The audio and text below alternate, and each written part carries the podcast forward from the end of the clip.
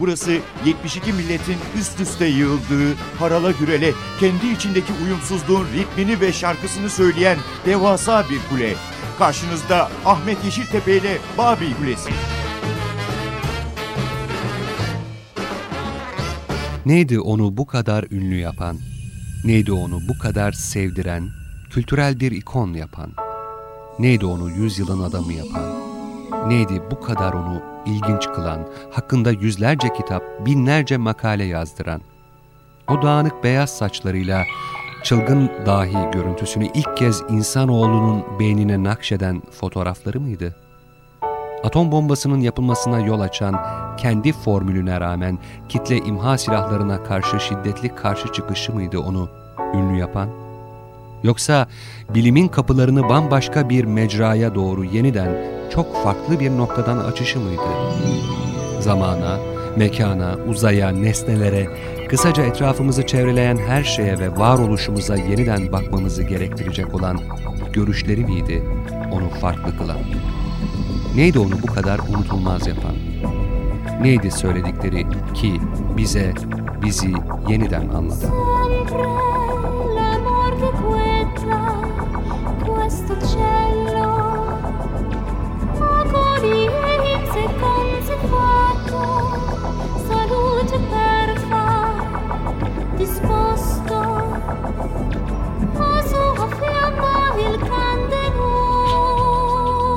Babil Kulesi'ne hoş geldiniz. Bu hafta programımıza çok sayıda soruyla başladık. Tüm bu sorular tek bir kişiyi, tek bir dahiyi işaret ediyor elbette. Albert Einstein. Yani yüzyılın adamını anlatıyoruz bugün. Yani fikir, görüş ve üretimleriyle insanoğlunun gelecekteki dünyasını yeniden şekillendirmeyi başarmış o adamı, Albert Einstein'ı. Bu hafta Babil Kulesi'nin konu başlığı Albert Einstein. Ama daha yakından bakmaya çalışacağımız bu portre, her yönüyle müziğin titreşimleriyle de anlatılabilecek özelliklere sahip bir isim. O halde Babil Kulesi'nin Albert Einstein'ı takdimimdir özel programına hoş geldiniz. Albert Einstein'a daha yakından bakıyoruz bu hafta. Elbette zaman zaman fonda, kimi zaman önde yer alan müzik titreşimleriyle beraber.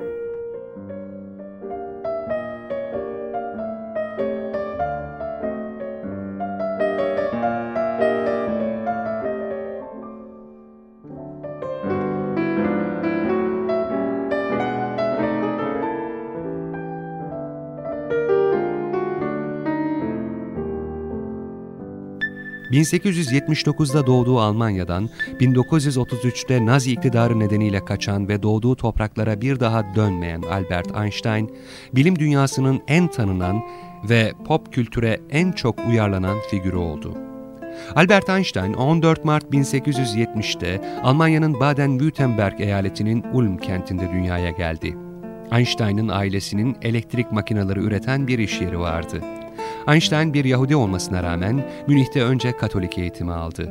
1894'te ailesi iş yaşamında başarısız oldu, iflas etti. Bu nedenle aile tüm fertleriyle birlikte Milano'ya taşınmak zorunda kaldı. Einstein aslında Münih'teki okulunda daha 15 yaşındayken ezberci öğretim ve aşırı disiplin yüzünden öğretmenlerden ve okuldan soğumuştu. Einstein bu nedenle Münih'teki okulunu bıraktı. Daha sonra da İsviçre'de girdiği Federal Uygulayım Bilim Enstitüsü sınavını kazanamadı. Öğrenimine İsviçre'deki Arau'da devam etti. Diğer okulunda öğretmenlerle yaşadığı sıkıntıları bu okulda yaşamadı. Arau'da bulunduğu süre içinde Maxwell'in elektromanyetik kuramını inceledi. Öğrenimini bitirdikten sonra bu defa sınavını kazanarak çok istediği Federal Uygulayım Bilim Enstitüsü'ne girmeyi başardı. Anılarına bakıldığında Einstein'ın Marcel Grossman adındaki arkadaşının tuttuğu ders notları sayesinde bu kurumdaki sınavlarından geçer notlar alabildiğini görüyoruz. Genç Einstein'ın özellikle matematik dersinde çok da başarılı olmadığı diğer arkadaşlarının anılarından ortaya çıkıyor. Ancak Albert Einstein, Arau'daki okulunu iki yıl gibi çok kısa bir sürede başarıyla 1900 yılında tamamladı. Üniversitelerde öğretmenlik yapmaya çalıştı ama iş imkanı bulamadı çünkü İsviçre vatandaşı değildi, aynı zamanda bir Yahudiydi. Bunun üzerine İsviçre vatandaşlığına geçti. Böylece 1902 yılında bir arkadaşının yardımıyla Bern Federal Patent Dairesi'nde iş buldu. Bu basit görevin sağladığı boş zamanlarda düzenli olarak bilimsel gazeteleri okudu ve çağdaş fizikte baş gösteren büyük sorunlar üzerine düşündü.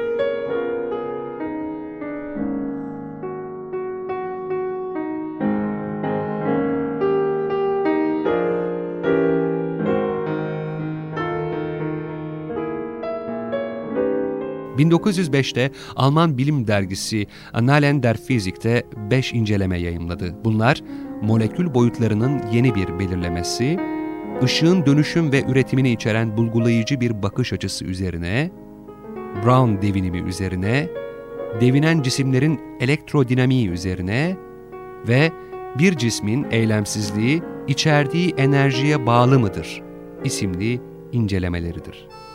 Bunlardan birincisini 1905'te Zürich Üniversitesi'ne tez olarak sundu. Einstein'ın bile çok devrimci olarak nitelendirdiği ikinci yazıda ışıl elektrik etkinin incelenmesinden ve Max Planck'in enerji kuantumları üzerine çalışmalarından yola çıkarak daha sonra foton adı verilen maddenin varlığı açıklanıyordu. Bu yazı kuantum fiziğinin kökenini oluşturuyordu. Üçüncü inceleme, olasılık hesabını Brown devinimine uygulayıp bunun kuramını açıklıyordu.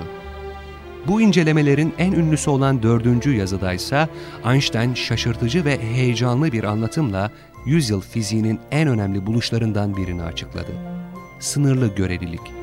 Einstein burada Maxwell elektrodinamiği ile Galile'nin açıkladığı görelilik ilkesi arasındaki bariz bağdaşmazlığa bu kuramlardan birini ya da diğerini değiştirerek değil, tersine bunları sıkıca ve sistemli olarak koruyup fiziksel uzay ve zaman kavramlarını yeniden gözden geçirerek bir çözüm bulunabileceğini ortaya koyuyordu. Beşinci inceleme ise öncekinin doğal sonucuydu. Burada da Einstein, kütle ve enerji arasındaki eş değerlik konusunda yeni bir görüş geliştirdi ve E eşittir mc kare formülüne yer verdi. Einstein, devrim niteliğindeki bu makalelerini yayınladığında henüz profesör bile değildi.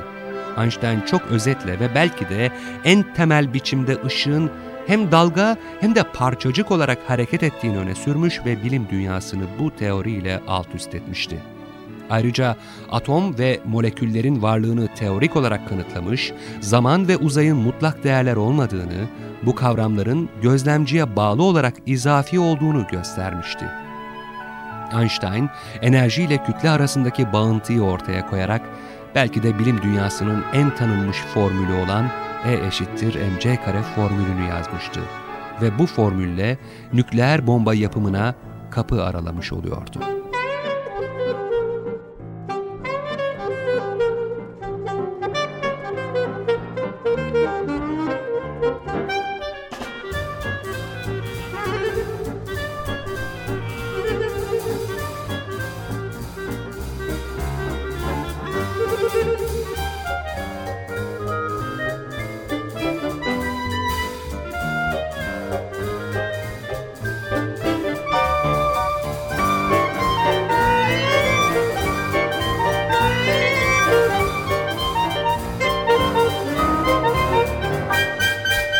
Aslında hepimiz bildiğimizi iddia ederiz ama sorduklarında açıklamakta güçlük çekeriz. Einstein, izafiyet, görelilik teorisini çok basit bir örnekle anlatıyor. Bir erkek güzel bir kızla bir yerde bir saat oturursa, o kızın yanında ancak beş dakika kaldığını söyleyebilir.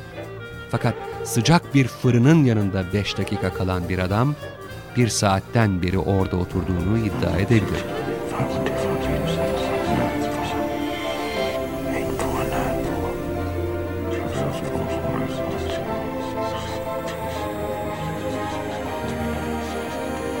Einstein, Zürich Üniversitesi'nde yardımcı doçent kadrosuna atandı ve onun ilk tam zamanlı işi oldu bu.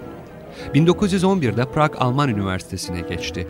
Burada önemli fizik makaleleri yayınlamaya devam etti ve misafir araştırmacı olarak toplantılara katılmaya başladı. Sonraki yıl Zürih'teki Federal Teknoloji Enstitüsü'ne bu kez profesör olarak atandı. 1914 yılında öğretim sorumlulukları olmayan bir araştırma görevi alarak Berlin'e geri döndü. Bu dönemde karısından ve iki oğlundan ayrıldı. Birinci Dünya Savaşı çıktığında ise Einstein, barışçı bir grubun oluşmasını destekleyerek Almanya'nın çatışmacı ve savaş yanlısı tutumunu eleştirdi. 1918 yılında Almanya yenildiği için Einstein politikayla daha fazla ilgilenmeye başladı ve ilerlemeci partiyi destekledi. Sonraki yıl tekrar evlendi ve genel görelilik teorisi yani eski dilde izafiyet teorisi İngiliz astronomlardan onay aldı.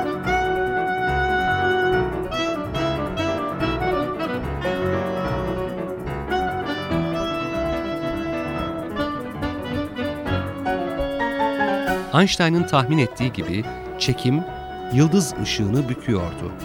Böylece o, popüler açıdan bilimin ve büyük düşüncenin bir sembolü haline geldi. 1921 yılında Einstein, şöhretinin de yardımıyla tecrübesiz Alman hükümetini ve diğer liberal davaları destekledi. Kısmen bunun bir sonucu olarak o ve onun relativite yani izafiyet teorisine Yahudi karşıtlarından çok şiddetli saldırılar gelmeye başladı.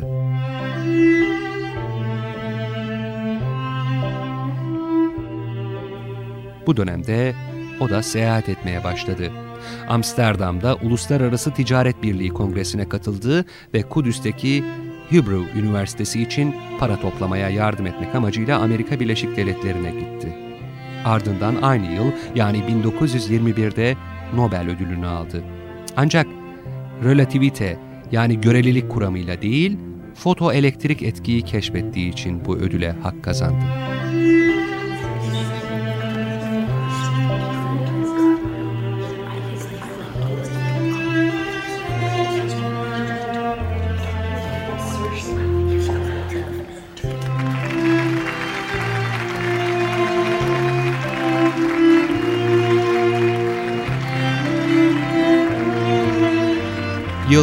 1924'tü.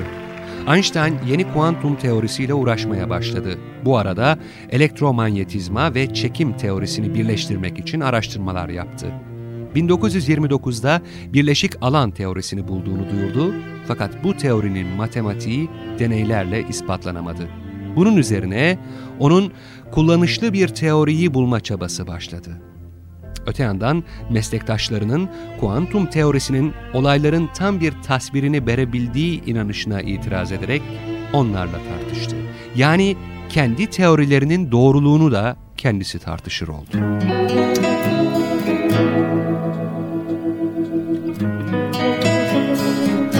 1933 yılında yeni Nazi hükümetinin baskıları sonucu Einstein, Princeton Üniversitesi İleri Araştırmalar Enstitüsü'nden aldığı daveti değerlendirerek Amerika Birleşik Devletleri'nin yolunu tuttu.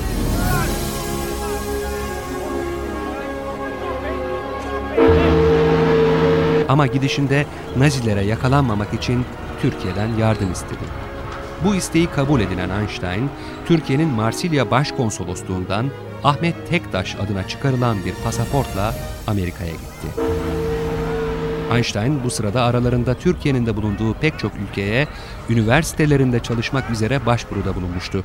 Ancak bu talebi Türkiye geri çevirirken ona sadece Princeton'a gidebilmesi için pasaport vermeyi kabul etmişti.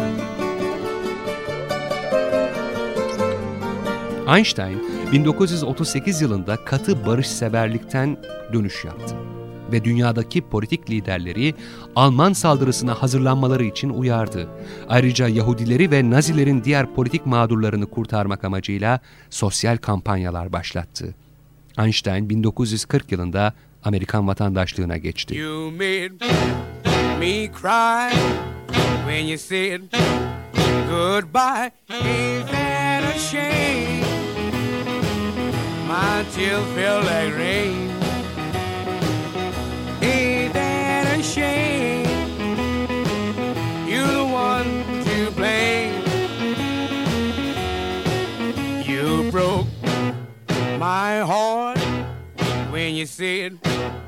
We'll part. A shame?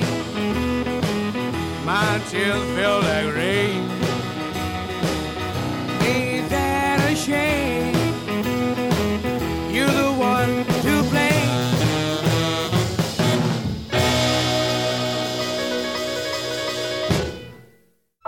Albert Einstein, atom bombasının yapımında rol almadığı gibi buna açık bir dille de karşı çıkmıştı. Atom bombasına olanak veren çalışmaları yapmış olmasına karşın Einstein, Sigmund Freud'e yazdığı bir mektubunda atom bombasının insanlığın sonu olacağını ve insanın kendi felaketini getirmeye kararlı olduğunu sağlamıştı.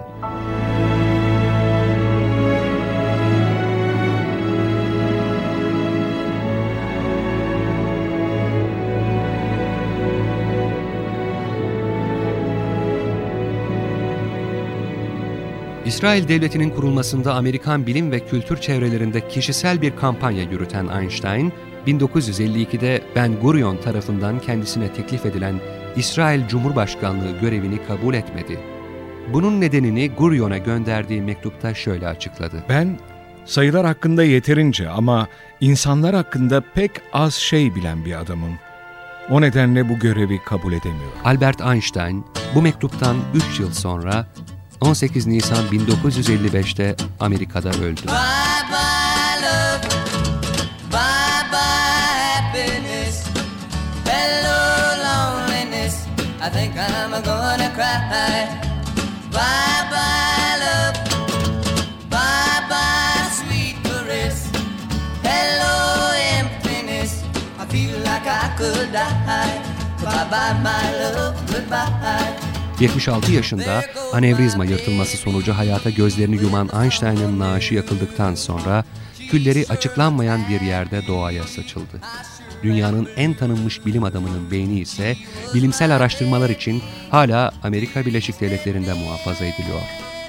Adı sıklıkla bilim adamının kendini sorgulaması, atom korkusu, Nazi zulmü ve Yahudi diasporası gibi kavramlarla anılan Einstein, tüm zamanların en tanınmış ve pop kültür tarafından en çok kullanılan bilim figürü olmayı sürdürüyor.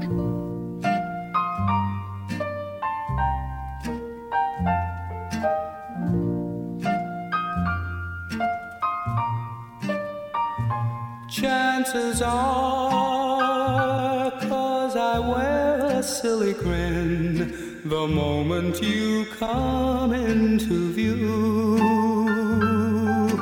Chances are you think that I'm in love with you.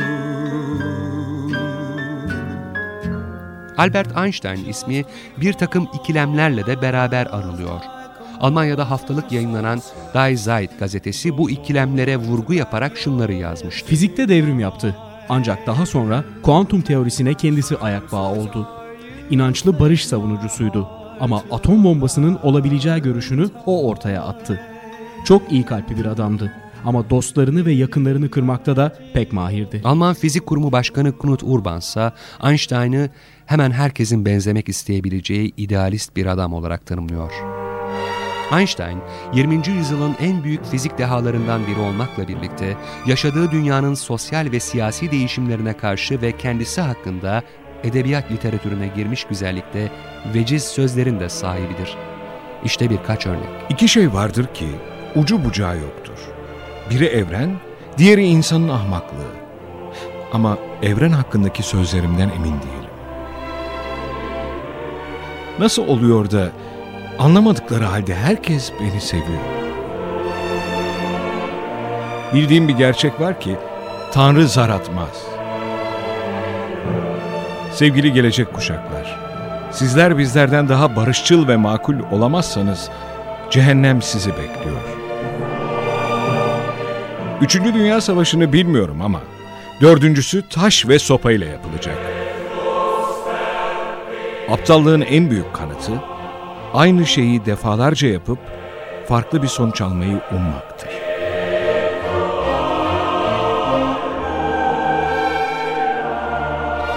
Albert Einstein ile ilgili sıra dışı bilgiler arasında hiçbir zaman tıraş sabunu kullanmadığı özellikle dikkatimizi çekti.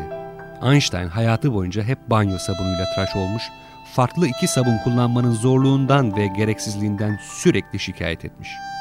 Einstein ayrıca müzikle yakından ilgilenmiş ve hayatı boyunca keman çalmaktan büyük zevk almış.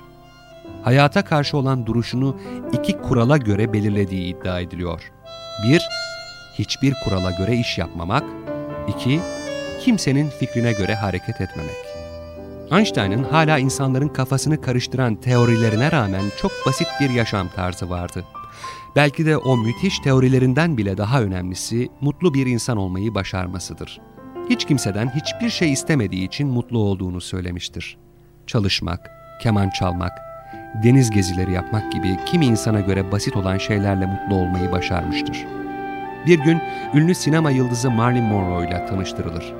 Monroe hemen hınzırca bir ifadeyle Einstein ile evlenmek istediğini söyler ve Düşünsenize çocuğumuz sizin kadar zeki ve benim kadar güzel olabilir der. Einstein'ın cevabı ise basittir. Ya benim kadar çirkin ve sizin kadar ahmak olursa? I took my troubles down to Madame Ruth. You know that gypsy with the gold cap tooth. She's got a pad on 34th and Vine, selling little bottles of love potion number nine. Albert Einstein'ın son yıllarını beraber geçirdiği Johanna Fantova'nın günlüğü, dahinin yaşlılık yıllarına ait bilinmeyen detayları gün ışığına çıkardı. Günlükte Einstein, meslektaşlarına sitem duyduğunu yazıyordu. Princeton Üniversitesi Firestone Kütüphanesi eski kuratörlerinden Johanna Fantova, Einstein'la hayatının son yıllarında bir gönül ilişkisi yaşamıştı. Fantova'nın Einstein'ın hayatının detaylarını aktardığı 62 sayfa kütüphane görevlileri tarafından tozlu raflara saklanmış olarak bulundu. Almanca kaleme alınan günlükte Fantova, yaşamının son demlerini yaşayan Einstein'ın kendisine yazdığı aşk şiirlerini, hastalığına karşı gösterdiği tepkileri, ölüme ve hayata dair duygularını ve bilimsel düşüncelerini kağıda aktarmış. Einstein 1955'te 76 yaşında, Fantova ise 1980'de 80 yaşında ölmüştü. Einstein'ın el yazmalarını yayımlayan Princeton Üniversitesi eski editörlerinden Alice Calapris, günlüğün Einstein'a yakın bir kimse tarafından yazılmış tek ve en mahrem belge olduğunu, dahinin günlük yaşamına ait detayları taşıdığını belirtiyor. Fantova'nın günlüğü Princeton Üniversitesi'nin dergisi The Princeton University Library Journal'da yayımlandı. Einstein'la Fantova arasındaki gönül ilişkisi Princeton çevrelerinde biliniyordu. Bilim adamının kaleme aldığı tüm yazıları toplamaya çalışan editörler, Fantova'nın kütüphanedeki özel dolabını açarak Einstein'ın kendisine yazmış olduğu aşk mektuplarını araştırırken bu günlüğe rastladılar. Fantova'nın resmettiği Einstein, bilim kitaplarının aksine fazlasıyla olağan, hatta kusurlu bir kişilik olarak göze çarpıyor. Günlükteki ilginç satırlardan biri de Einstein'ın kendini ziyarete gelenlere sürekli ağrıyan kemiklerinden yana dert yanması. Princeton Üniversitesi matematik profesörlerinden ve günlüğü ilk okuyanlardan Dr. Freeman Dyson, günlük sayfalarındaki Einstein'ın bilindik ikna gücünden uzak, yaşlılığın üzerinde yarattığı yıkım ve katlanılmaz acılardan mustarip, yaşlı bir kimse olarak okuyucuyu şaşırttığını söylüyor. Kendini zinde hissetmediğinden sürekli olarak yakınan yaşlı Einstein, unutkanlıktan ve kapısını aşındıran misafirlerinden de şikayet ediyor. Dyson'ın aktardığına göre günlükte çoğu zaman kendinden fotoğraf isteyen misafirlerini yatakta hasta olduğunu söyleyerek geri çevirdiğini belirtiyor.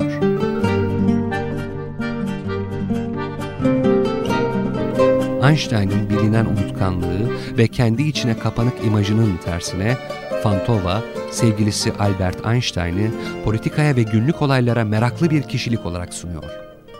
Fantova, Einstein'ın kendisine haberleri izlemesi yönünde baskı yaptığını belirtiyor. Günlük, kuantum mekaniğinin kuramcısı Werner Heisenberg için Einstein'ın İkinci Dünya Savaşı'nda atom bombasına verdiği bilimsel destekten ötürü koca Nazi diye bahsettiğini yazıyor. Fantova ayrıca Einstein'ın Soğuk Savaş döneminde nükleer silahlanma yarışından ciddi olarak çekindiğini ve Amerika'da 50'li yıllarda baş gösteren komünist düşmanlığını da endişeyle izlediğini dile getiriyor. Günlük, Einstein'ın komünistleri vatan haini ilan ederek sicil tutulmasını isteyen Senatör McCarthy'yi Fransız devrimindeki başıboş elebaşlarına benzeterek kim kimi önce asarsa kazanır yarışına girdik sözünü not düşüyor. Son yıllarında Einstein'ı endişelendiren konulardan biri de yakın dostu ve Amerika'nın atom bombasının mimarı Robert Oppenheimer'ın akıbetiydi. Zira Oppenheimer, herkesçe bilinen solcu politik tavrından dolayı sürekli saldırılara vuruyordu. Benzer bir şekilde de Einstein, Sovyetler Birliği tarafından kendisine verilen bir barış ödülünü bana Bolşevik derler korkusuyla reddetmişti.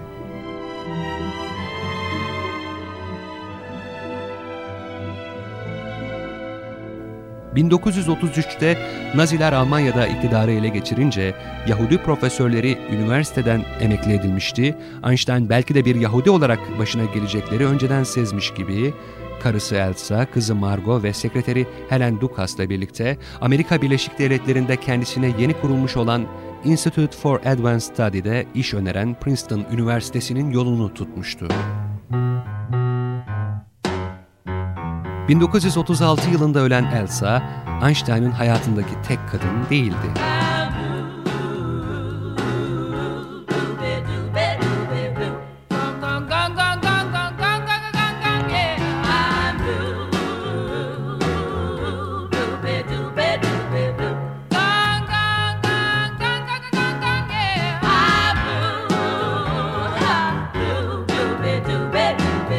Çek Cumhuriyeti'nde 1901'de Johanna Bobaş olarak dünyaya gelen Johanna Fantova ile Einstein ilk olarak 1929 yılında Berlin'de tanışmışlardı.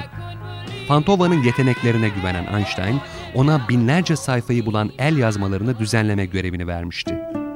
Einstein'ın ardından Johanna Fantova da 1939 yılında Nazi işgalindeki Prag'dan Amerika Birleşik Devletleri'ne kaçmayı başarmış ve Einstein'ın kapısını çalmıştı. Einstein'ın tavsiyesiyle University of North Carolina'da kütüphanecilik okuyan, daha sonra da Princeton Üniversitesi Firestone Kütüphanesi'nde harita kuratörü olarak işe başlayan Fantova, 70'lerindeki Einstein'ı günlüğünde çok ilginç biçimde anlatıyor. ask me how I knew my true love was true.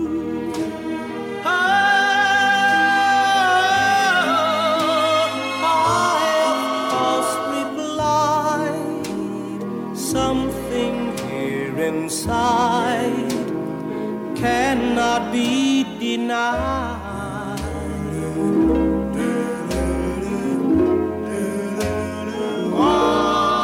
70'lerindeki Einstein'la 50'lerindeki Fantova arasındaki gönül ilişkisinin başlangıcı 1940'lı yılların sonlarına rastlıyor. Ortak dostları ve Einstein'ın yemek sofrasının değişmez ziyaretçilerinden Jill Griffin bu ilişkiyi Amerika'da kendini hiçbir zaman evinde hissetmeyen ve sürekli savaş öncesi Almanya'yı özleyen Einstein için Fantova, Avrupa'dan, eski kıtadan değerli bir parça gibiydi şeklinde özetliyor. Gerçekten de Princeton çevrelerinde Fantova'nın sevgilisine her gece Alman yazar Goethe'den parçalar okumasının Einstein'ın çok hoşuna gittiği iyi biliniyor.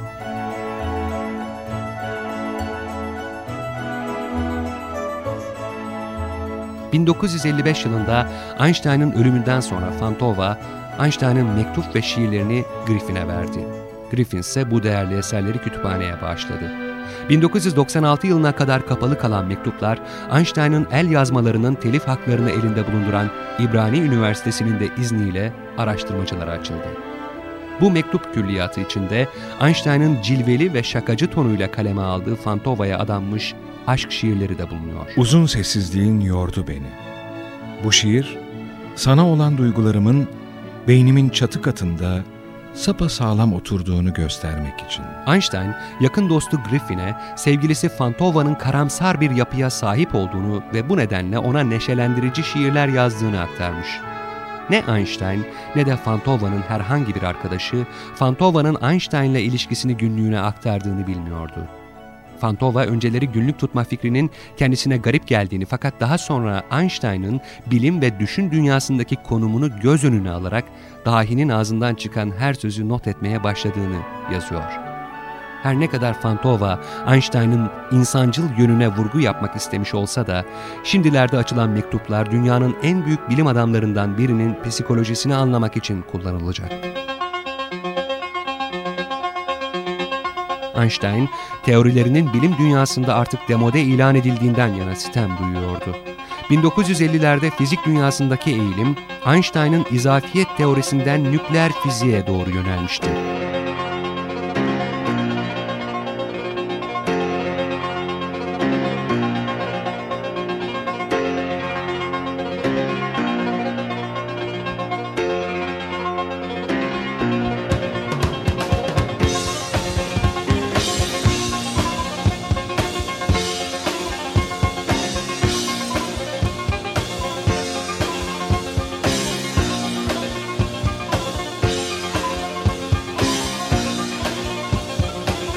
Günlükteki Einstein meslektaşlarını atomları bölerek bombalar üreten ve üst üste yeni alt parçacıklar keşfederek bilimsel başarı arayan kuantum mekaniğinin sonu öngörülemeyen yollarında kendilerini kaybetmiş insanlar olarak tanımlanıyor.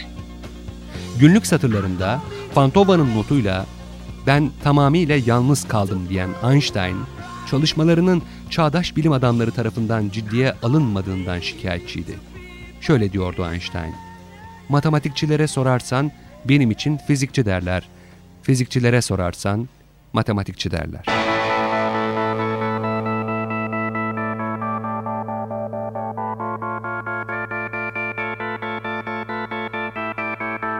Babil Kulesi'nin bu haftaki konu başlığı 20. yüzyılın en büyük bilim adamlarından Albert Einstein'dı. Biz onun gizemli, karmaşık dünyasına, Almanya'dan kaçışına, nükleer silahlara ilişkin düşüncelerine ve gizli kalmış aşk ilişkisine baktık bu hafta. Elbette yine müzik eşliğinde, müziğin ritmi ve rengiyle birlikte. İzafiyet, yeni Türkçe ile genel görelilik kuramını ortaya attığı 1905'ten bu yana insanoğlu onun kuram ve görüşleri doğrultusunda onun sayesinde dünyaya, evrene ve kendisine başka açılardan bakabildi. Ve bambaşka bir düşünce sistemi geliştirdi ve bambaşka bir geleceğe doğru yelken bastı. Babil Kulesi'ne ulaşmak, görüş ve düşüncelerinizi, sorularınızı göndermek isterseniz elektronik posta adresimizi kullanabilirsiniz. Adresimiz babilkulesi@ntv.com.tr. Tekrar edelim. babilkulesi@ntv.com.tr. Haftaya buluşmak dileğiyle hoşça kalın. Müzikle ve sevgiyle kalın.